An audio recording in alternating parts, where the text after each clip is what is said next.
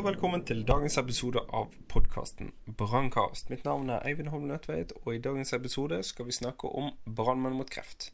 Vi skal snakke om hva de er, hva de gjør, historien, oppnåelser og framtiden. Til dagens episode har jeg fått med meg Torskjell Helle fra Brannmann mot kreft. Velkommen. Jo, takk. Så Torskjell, hvem er du? Kan du fortelle litt om deg selv og din tilknytning til Brannmann mot kreft? Ja, om meg sjøl så er det vel eh, det viktigste at jeg har 35 år fartstid i Bergen brannvesen. 20 år var jeg i operativavdeling med bl.a. ryggdykking. Så var jeg 15 år i 110-sentralen etter at ankelet røk. Da måtte jeg uh, komme meg i hus. Uh, jeg har uh, fått kronisk lyfatisk leukemi pga. ryggdykkingen min. Uh, var med å starte Brann mot kreft egentlig før jeg fikk uh, diagnosen min. Den kom et par år etterpå. Og uh, er vel det vi kan kalle for driftsleder, eller indirekte daglig leder. Daglig leder blir litt feil, i og med at ikke vi er verken til daglig eller, eller har faste verken kontortider eller ingen faste lønnete personer. Så. Eh, når jeg hører Brannmenn mot kreft, så hører jeg et veldig kjent navn. Eh, de fleste som jobber i brannvesenet, håper jeg har hørt om Brannmenn mot kreft. Men du kan jo gjerne fortelle hva denne organisasjonen egentlig er, og hva de gjør. Ja, Brannmenn mot kreft er jo en eh, organisasjon som ble dannet av brannfolk til, til å jobbe for brannfolk. Vi heter Brannmenn mot kreft. Selvfølgelig inkluderer vi da alle damer i dette. Vi eh, har i de senere år nå eh, også inkludert feiere. Vi eh, har jo en del målsetninger, og ikke minst drive forebyggende arbeid. Endre holdninger. Vi ønsker òg på sikt en tung jobb, egentlig. og endre yrkesskadelovgivningen. At ikke vi i tillegg til å slite med sykdom, må slite med å få dette godkjent som yrkesskade, og, og kanskje da òg en menserstatning. Nav er ikke så enkel for oss heller. Som resten av befolkningen så sliter vi. Eh, vi mener at når vi har jobbet eh, et helt, en yrkeskarriere for samfunnet, så bør samfunnet stille opp for oss når vi ligger nede i tillegg. Når ble Brannmenn mot kreft stiftet i Norge? Hvordan skjedde dette? Kan du fortelle litt om eh, historien bak dette? Ja da. Det var eh, to eh, fagforeningsfolk fra Bergen, Tommy Christoffersen og Vegard Aslaksen, som fikk høre om dette her. Meldte seg på seminarer henholdsvis det ene året i, i Canada året etter i Australia. Det var vel i 2012 og 2013, etter det jeg husker. I 2014 så ble det arrangert eh, internasjonalt seminar eh, her i Bergen. Hvor eh, jeg ble dratt litt med til å organisere tingene. Det var vellykket. Og etter det så diskuterte vi veien videre. Er dette slutten, eh, eller er det begynnelsen? Og vi fant ut det måtte være begynnelsen.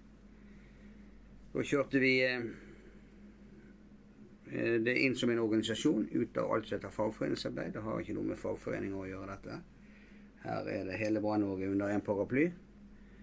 Og vi dannet eh, eh på godt norsk 9-11 i 2014. Da tok vi og registrerte oss i Brønnøysund som egen selvstendig organisasjon.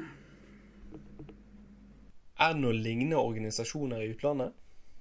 Ja, det er det absolutt. Eh, det som vi kjenner best til, er jo våre naboer. Der er eh, både i Sverige, Danmark, eh, Finland, Island, altså Norden. Der er òg eh, i Tyskland. De begynte etter vi hadde hatt foredraget her. Da gikk de hjem og startet arbeidet sitt i 2014.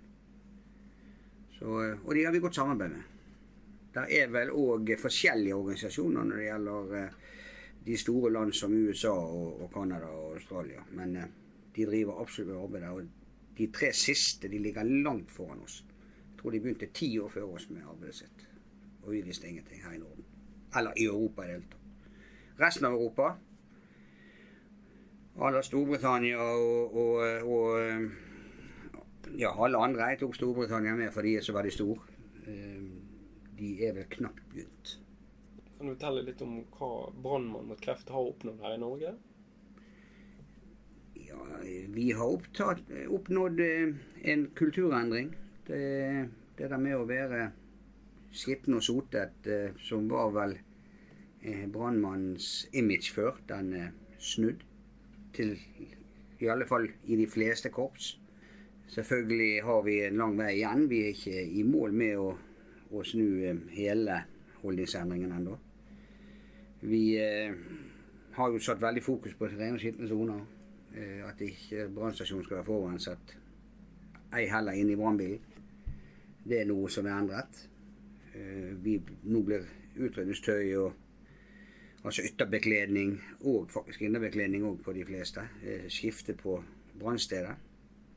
Når det gjelder Bergen f.eks., som jeg kjenner best, så kjøres det ut varmetelt som de går inn i. På de større hendelsene. Dette er jo helt nytt. Vi, eh, det bygges nye brannstasjoner over hele Norge. Hyppig. Det ombygges. Mange sliter eh, med å få økonomi til det, men jeg tror de fleste i alle fall har noe på gang, om ikke de er kommet i mål. Så hva er kreft? Kort fortalt er det en slags ukontrollert celledeling. Kroppen produserer hele tiden nye celler som skal erstatte de cellene som dør eller skades. Når en celle skal produseres, så dobler en celle sitt arvestoff og deler seg i to celler, og så fire. Noen ganger kan det være feil i arvestoffet, og cellen kan begynne å dele seg ukontrollert og danne en klump. Dette er en svulst. Eh, denne kan være godartet, eh, benign eller ondartet, malign. Hvis det er en malign, eh, er det en kreftsvulst.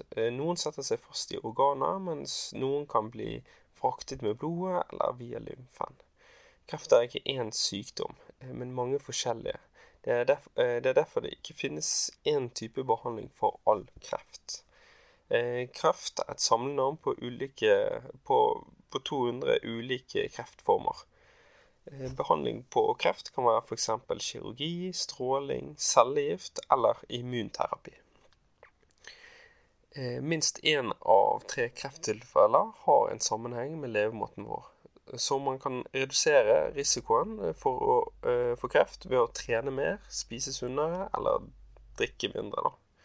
Arv og miljø også en eh, kan også være en faktor som øker risikoen for kreft. I 2018 så var det 34 000 mennesker i Norge som fikk kreft.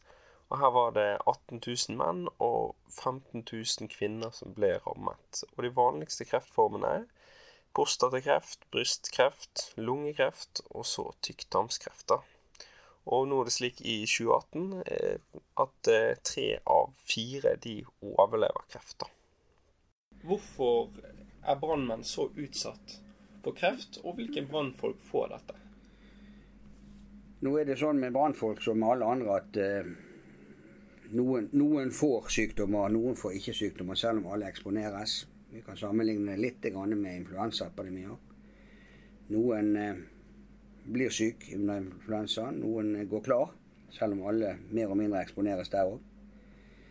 Vi har eh, minst 15 eh, krefttyper hvor vi brannfolk er mer eller overrepresentert i prosent i forhold til resten av befolkningen.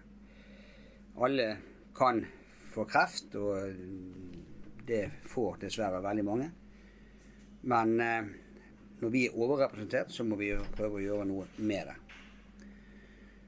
Det krefttypene vi får, eh, er veldig mye relatert mot eh, både urinveier, svelg, lunger, nyrer, eh, brysthinne. Ja. Egentlig så er det ingen som vet. Også oppi hodet kan vi få svulstene våre. I og med at vi er overrepresentert, så, eh, og all forskning, internasjonal forskning viser dette, her, så um, mener vi at det er, der er, der er, ikke tvil lenger. Og den norske forskningen som vi skal snakke litt om senere, vet jeg, så uh, påpeker den det samme. Så Hvordan oppdager man dette? Det er litt forskjellig. Eh, noen, eller sånn som I mitt tilfelle så var det en tilfeldig blodprøve som fant det. Jeg har jo eh, dette med blod og lymfer. Eh, prostata som er godt utbredt, eh, kan òg tas første indikasjon på en spesialblodprøve. Ellers er det jo en Vet jeg òg om folk som har bare gått og, og, følt seg uvel, og når de endelig har gått til lege, litt for seint for noen, så eh, viser det seg at det kan være en form for kreft. Så det er ikke noe fasit på hvordan man oppdager det. Du sa at du hadde, eller har kreft. Hvilken krefttype er det du har, og hva gjorde du for å oppdage dette? Eller hva, til, til, til, hva gjorde du etter du oppdaget dette? Ja, altså tilfeldighetene som jeg nevnte med, med blodprøve på meg, så uh, var det en, en legetest som alle røykdykkere fra Bergen brannvesen ble kalt inn til i uh, 2015 begynnelsen av 2015. De skulle egentlig teste lunger og litt av hvert, men så skulle de også ta en, en, totikolesteroltest. eh, kolesteroltest. Og jeg var i grenseland og ville se hva slags type kolesterol jeg hadde. Med andre ord tok blodprøver, og dermed så ble det oppdaget.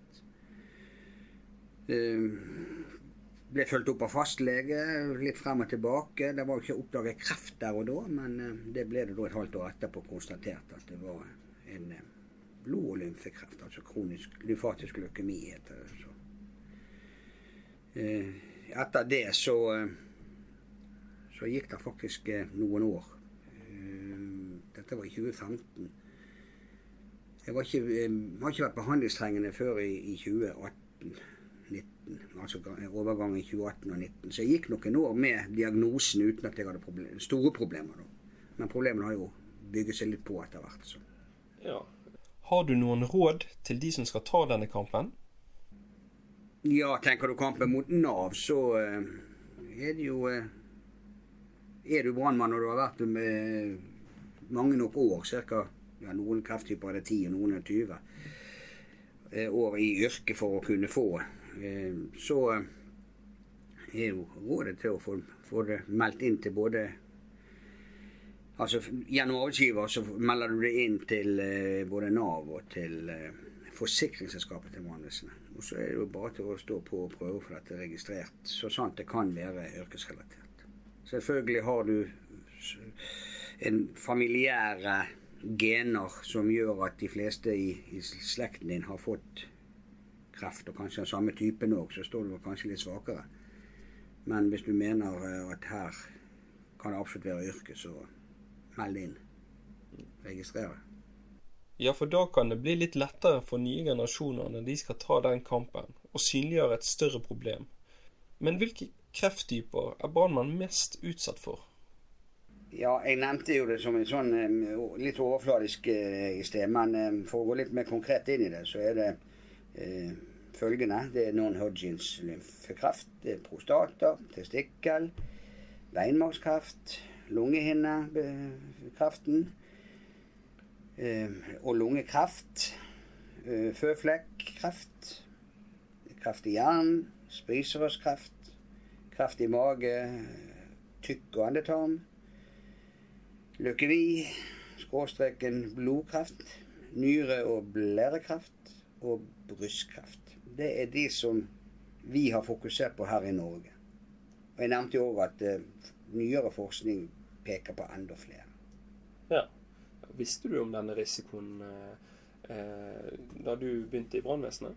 Nei, ingen visste det. Jeg begynte jo i 1980 første gang som vikar, og kom nå inn i 84 fast. og På den tiden var jo ikke det et tema. Og det var heller ikke tema i år 2000 for den saks skyld. Det var ikke før vi begynte i 20... Ja, kanskje vi begynte jo å bli klar over dette de kom hjem fra fenomenalen, disse to. Så i, i 2012-2013 var vel de første begynte å tenke på dette. Og fra 2014 oppover, etter vi hadde foredrag og registrerte oss, så har fokusen bare økt og økt. Så det er jo kun de siste seks årene at det har vært fokus her i Norge. Altså, Hvordan var det før i tiden? Jeg har hørt at det var om å gjøre å være mest mulig møkkete i gamle dager. Ja, du kan jo kalle det for det. Du skulle iallfall ikke gå rundt i helt rene klær, da, eller helt nye klær. For da så det ut som du var helt fersk. Så eh, det var jo, det var jo en, en, en macho-holdning eh, på mange måter. Du skulle helst ha litt svidd hjelm, du skulle ha vært inne i varmen og osv. Men jeg vet ikke om machoen var det største problemet. Det var, største problemet var at vi, vi hadde ikke for å si det på godt norsk, vi hadde ikke peiling. Vi visste ingenting. Når vi kom inn fra, fra, fra en brann, og, og iallfall som får snakke for egen del, og jeg vet at det er mange med meg Kom inn om natten. Det viktigste var å få søvn. Vi gikk i, vi gikk i seng, skitten. Tok vasken neste morgen. Det er altfor uh, seint. Eh, kunne da vaske selvfølgelig sengetøyet samtidig, for det var også rart. Men eh, ingen av oss var klar over det. Og eh, når det gjaldt å, å rengjøre klærne, så hadde ikke vi verken vaskemaskiner, vi hadde ikke rutiner. Og hvis jeg går helt tilbake til 80-tallet, så hadde ikke vi klær som egnet seg eh, i det hele tatt. Det var regnfrakk og skøstøvler, og røykdykkingen foregikk i skjorte og slips ofte. Og vi, vi, hadde ikke klær, og vi hadde, ikke, vi hadde ingen kunnskap om dette. Så når kom endringen? Hva skjedde egentlig? Nei, altså, endringen eh, som jeg sier, den kom, den kom, etter vi begynte å fokusere på det. Og eh, årsaken har jeg òg nevnt. Det er at vi, vi begynte å bli klar over tingene. Og det er radikalt endret nå til at det er skikkelig rene og skitne soner i de fleste brannstasjoner. I alle fall dersom det er kasanert, altså at de bor på brannstasjonen. Det er verre i distriktene ofte, for der er det bare en garasje og gjerne ikke dusj, og gjerne ikke vaskemaskiner, de har et stort problem. Eh, det er mange andre brannstasjoner òg eh, som er og blir bygget om pga. fokuset vi har på ren og skitten sone. Og det er heller nå, som jeg òg var vel så vidt inne på, det er ingen nå som får lov å gå inn i en brannbil med skitne, altså forurenset tøy fra en brann. Det skal av. Hvordan var det med loggføring i gamle dager, og hvordan er det nå? For dette er noe som er veldig elementært når du må vise til at du har blitt eksponert for røyk. Det har vel i mange, mange år vært eh, et ansvar hos arbeidsgiver å loggføre. Eh, til dels ble det vel gjerne loggført noe. Det var gjerne at du har vært i en brann, du har vært på en øvelse. Men det var vel knapt nok det er ikke skikkelig logger på min eksponering, iallfall. da. Jeg får snakke mest for meg sjøl, for det er der jeg kjenner det best. Eh, så på meg så ble det regnet ut eh, sånn snitt. Hvor mange branner var det de årene jeg var inne? Det gikk de statistikken og så her i Bergen. Og eh, vi er fire vaktlag, og ikke alle var det på. Og på den måten stipulerte et antall på hvor mange ganger de mener jeg kan ha vært eksponert. Og i tillegg har vi jo øvelser. Øvelser er jo noe som vi blir vel så mye eksponert. I alle fall sånn som det var, var før, og sånn som det til dels er enda med at det brennes paller i en container. Eh, noen fremdeles, og i alle fall vi for mange år siden òg, eh, hev jo diesel på for å få skikkelig fyr i dette. Og skikkelig med svart røyk, sånn at det ble vanskelig å, å, å drive røykdykkingen. Men igjen, blir du eksponert. Er det sånn at alle brannmenn melder inn at de får kreft? Nei, det gjør de ikke. Og det tror jeg kan være flere årsaker. Noen liker ikke å snakke om det. Noen eh, liker eh, heller ikke å ta en kamp som kan ta ja, oppimot seks og et halvt år, vet vi på det verste, før de kom igjennom. Det var de to første som meldte inn. Men de blir ikke de to første som eh, ble godtatt som som eh, yrkesskade skråstrek erstatning. De brukte som sagt seks og et halvt år. De havnet i Trygderetten. For Nav sier nei, nei, nei. Og det vet mange brannfolk òg. Men flere og flere nå tar de. Jeg får, eh, fikk senest i går jeg hører om to nye som jeg ikke visste om holdt på med en advokat. Men det er jo sånn som vi bare får høre. Der, vi har jo verken lov eller, eller, eller, mulighet til å drive og lage noe registrering eller noe sånt. Vi, vi tar det med oss opp i, i hodet, det vi hører. Eh, vi viser konduite og ikke går rundt og snakker om de som iallfall ikke vil snakkes om. Men eh, veldig få eh, informerer oss om, om, hva de holder på med òg. Men vi vet at det er veldig, veldig mange som ikke melder inn i det hele tatt. Det er jo veldig synd. Jo flere som tar kampen, jo lettere blir det for nyere generasjoner. Men hvordan forebygger man dette, da? Hvordan blir man mindre utsatt? Det, vik det viktige er jo at vi nå ikke går rundt i stasjonen med skittent tøy eller inn i bilen. Altså dette med rene skittensoner. Ventilasjonen i, stasjonen, spesielt der som det er skitne for det må jo vi ha. Eh, både røykdykker Ikke verkstedet skal være skitten, men, men, der du vasker røykdykkerutstyr og, og dette blir jo skitne soner. Der du vasker tøyet ditt i en skitten sone. Men vi skal ikke dra den skiten ut av den sonen. Det er nå én ting. Eh, dette med å vaske klærne våre er jo veldig viktig. Det vises jo nå òg at eh, oppimot 40 av giftstoffene henger igjen i klærne selv om du har vasket de.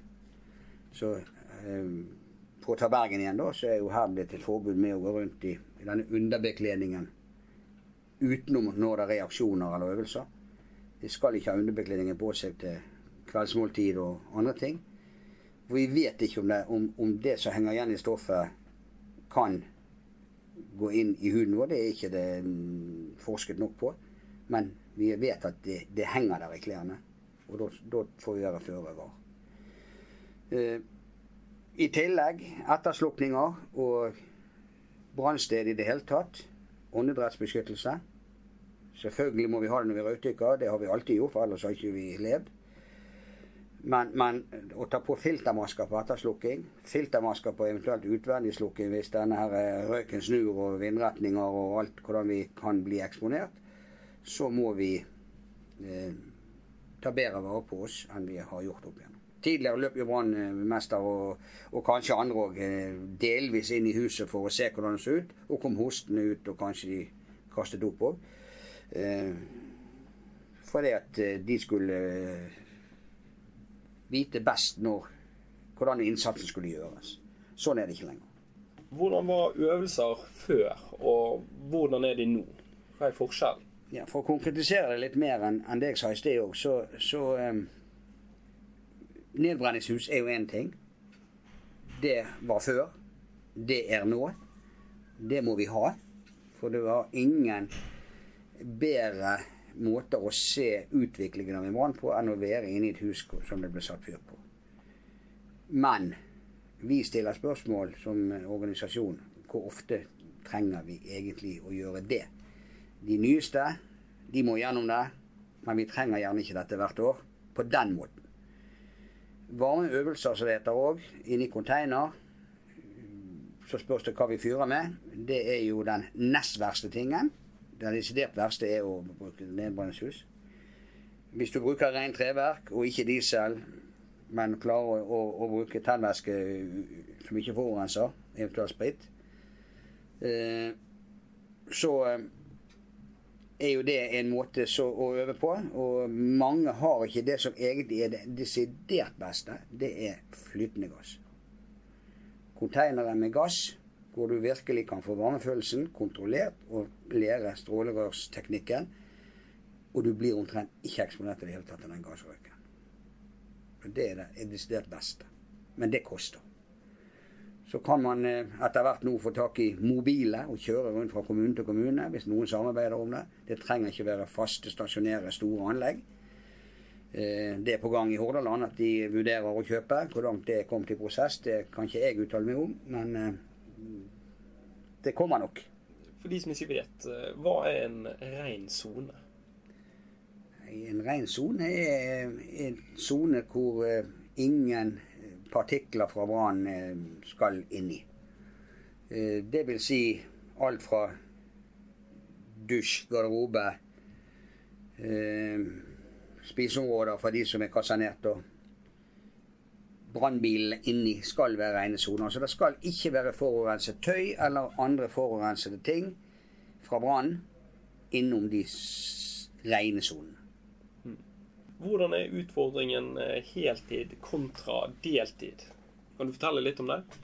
Ja, altså heltid. Eh, kanskje de øver litt mer. Kanskje de eh, har litt flere branner i de byene hvor det er heltid. Men allikevel så er det flere vaktlag. Vi eh, har flere stasjoner, iallfall i de store byene. Som gjør at hyppigheten eh, vil vel ikke være noe mer enn de som er deltid. De eh, stiller på hver eneste alarm som går. I hvert fall mange av de ildsjelene. Så jeg vil nå tørre å påstå at de er like mye eksponert når de er deltid, som eh, de som er heltid. Har deltid de samme forutsetningene? For så vidt eh, tror jeg du er inne på noe vesentlig. Det er jo enkelte heltid òg som ikke har gode nok fasiliteter til vasking. Kanskje ikke har separerte vaskemaskiner for Altså De trenger gjerne tidligstøy og sånt, for de, de er hele tiden på stasjonen. Eller når de har vakt, så skal de òg trene og alt det her. Så da skal de ha egen vaskemaskin til det. Så skal de ha en vaskemaskin til underbekledning og en til ytterbekledning. Det er ikke alle uh, heltidsstasjonene som har heller.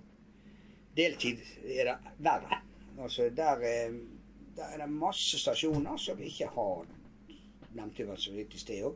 De ikke har verken dusjen eller, eller vaskemaskin. Og i alle fall ikke nok vaskemaskiner til å separere det du har. Det som også er påvist når det gjelder vasking, det er jo eh, at vasker du tøyet f.eks. hjemme, som noen deltid dessverre fremdeles gjør, så eh, er det sånn at eh, det tøyet, som gjerne ikke vaskes samtidig, men at du etterpå vasker dine barn eller eh, andre familiemedlemmer eller privattøy i det hele tatt i samme maskin, så smitter det over.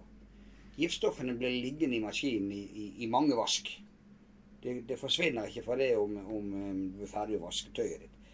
Så det er veldig tabu i våre øyne at du tar med utrustning hjem. Nå snakker jeg eh, spesielt om underbekledningen.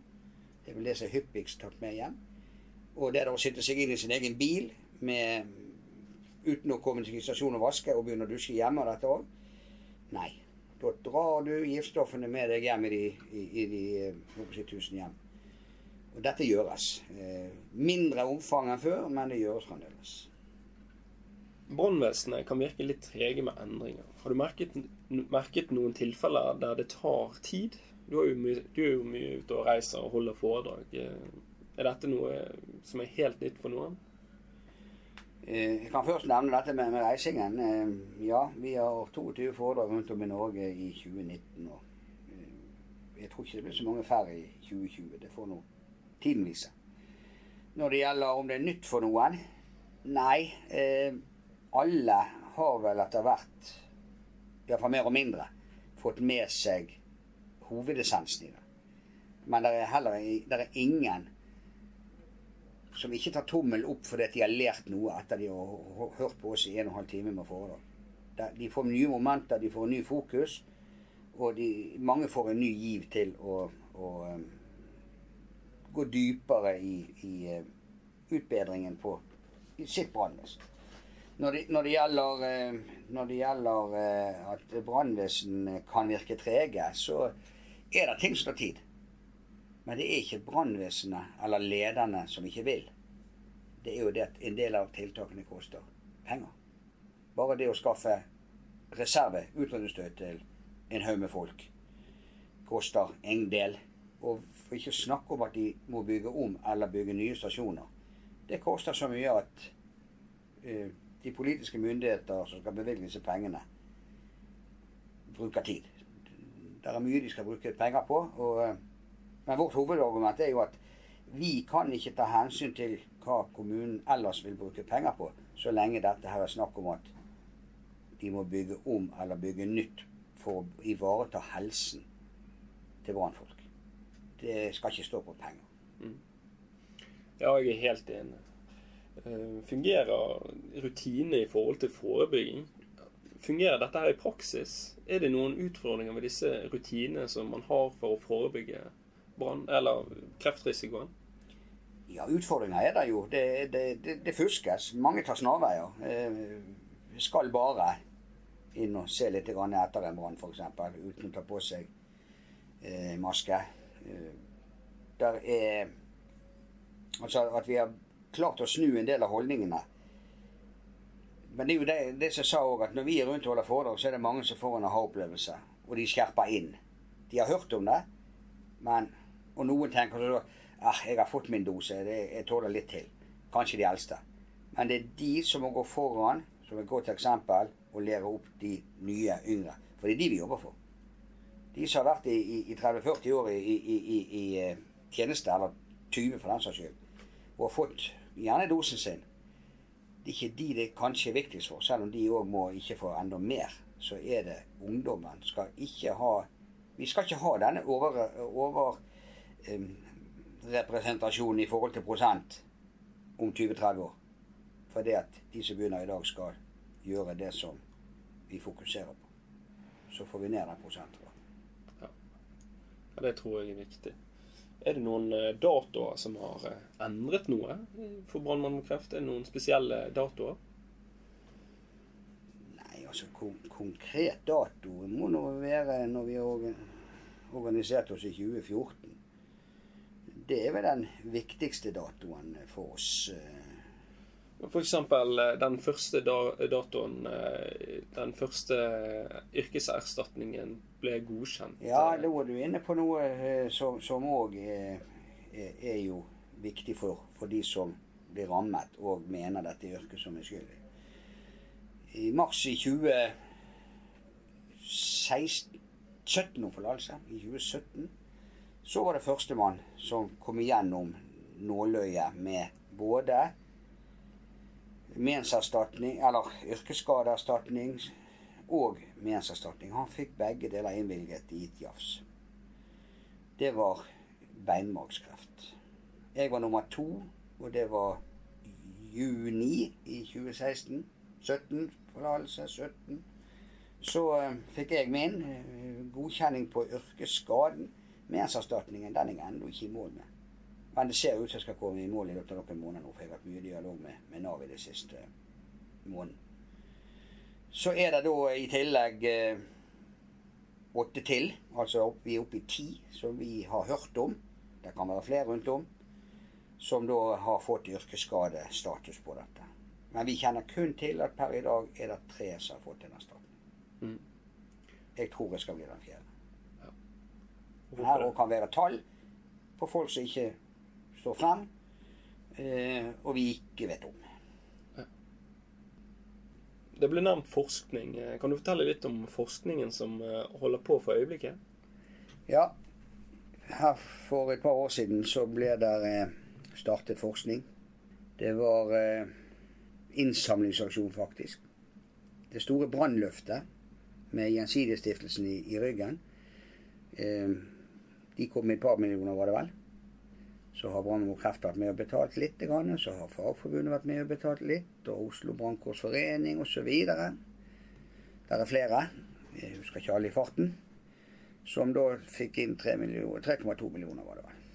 Og dermed så kom eh, forskningen i gang. Og det er et samarbeid mellom, mellom Kreftregisteret og STAMI, hvor eh, kreftforsker Kristian Kjærheim, eh, som er jo ansatt i i eh, Kreftregisteret. Hun er også overlege.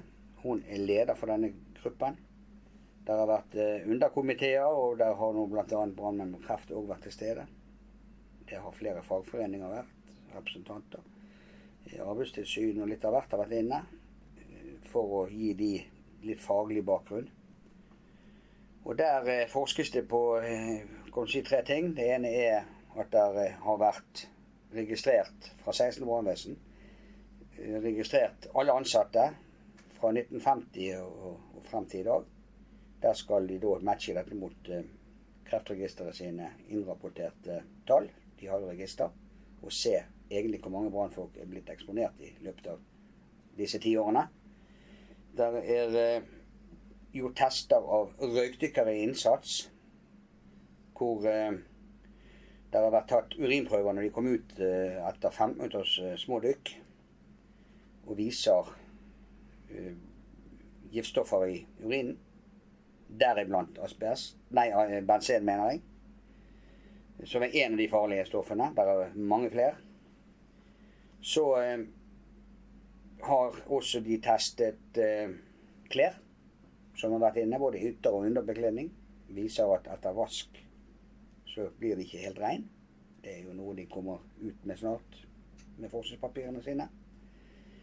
Eh, og eh, eh, den siste delen av dette det var faktisk at de registrerte alle brannstasjoner som har vært i de 16 brannvesenene opp igjennom fra 1950 og frem til i dag. Hvert tiår. De var delt på hvert tiår hvordan det så ut i stasjoner, og uh, muligheter for å bli eksponert inne i stasjonen. Og parkering av biler og hvordan dette var. Så uh, vi er spent på resultatet. Resultatet kommer i løpet av et år. De er ikke ferdige. De har slipper delresultater etter hvert. Og uh, nå på våren kommer det iallfall ut noe. En artikkel som er laget, men ikke publisert. Så vi er veldig spent på resultatet til slutt. Og når jeg sier spent, så er ikke vi så spent på eh, om, om, vi er eksponert eller ei, for det, den diskusjonen tror jeg er forbi. Men eh, hvor mye vi egentlig er eksponert. Som en brannmann, altså, eller en feier, hvis jeg skulle tenke Hva kan hver enkelt bli flinkere på? Når det gjelder å forebygge eller tiltak imot dette. Hva kan hver enkelt gjøre? Vi kommer veldig langt med å følge de rutinene som jeg for så vidt allerede har vært inne på. Mm. Respektere de rene og skitne sonene. Bruk åndedrettsvern. Vi har også noe som heter underhansker, som, som, vi ikke har vært inne på, men uh, kan jo nevne det at det er viktig at de bruker. I alle fall på innrulling og rengjøring av utstyr etterpå. Også der skal de bruke åndedrettsvern feil å si åndedrettsvern. En filtermaske, med andre ord. Selv om det er noe indirekte åndedrettsvern, det òg. Eh, men i alle fall respektere de, de, tingene som vi har vært inne på i tidligere intervjuer. Mm. Jeg kan jo legge til at uh, eh, f.eks. hvis man ser noen i røyken, da, be de om å trekke seg vekk. da. Det er det, ingenting der å gjøre. Det er helt riktig. Eh, kanskje det er lederne som er verst med å gå inn og skal bare se. Mm. Eh, når da hovedrøyken og brannen er slukket. Eh, dette med etterslukninger som vi har vært veldig lite flinke på å drive Altså beskytte oss sjøl på. Mm. Det må bare skjerpes inn der det fremdeles ikke er gjort. Mange er kommet langt. Mm. Men vi har, en, vi har en vei igjen før vi kan si at målene våre nås. Det er nok behov for oss i mange år ennå. Definitivt. Så hvordan kan man støtte brannmenn mot kreft? Brannmenn mot kreft kan man støtte på, på, flere måter. For oss er jo medlemmer viktig. Vi eh, trenger den støtten i form av at vi har et medlemskartotek.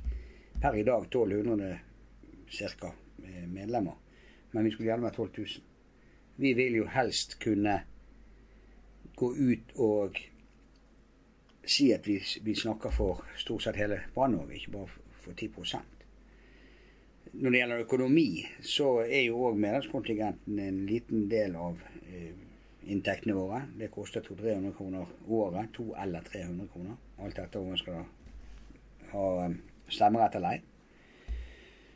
Vi har i tillegg eh, den største inntektskilden vår er jo faktisk grasroten, som òg er jo en støtte for, til oss, ikke minst.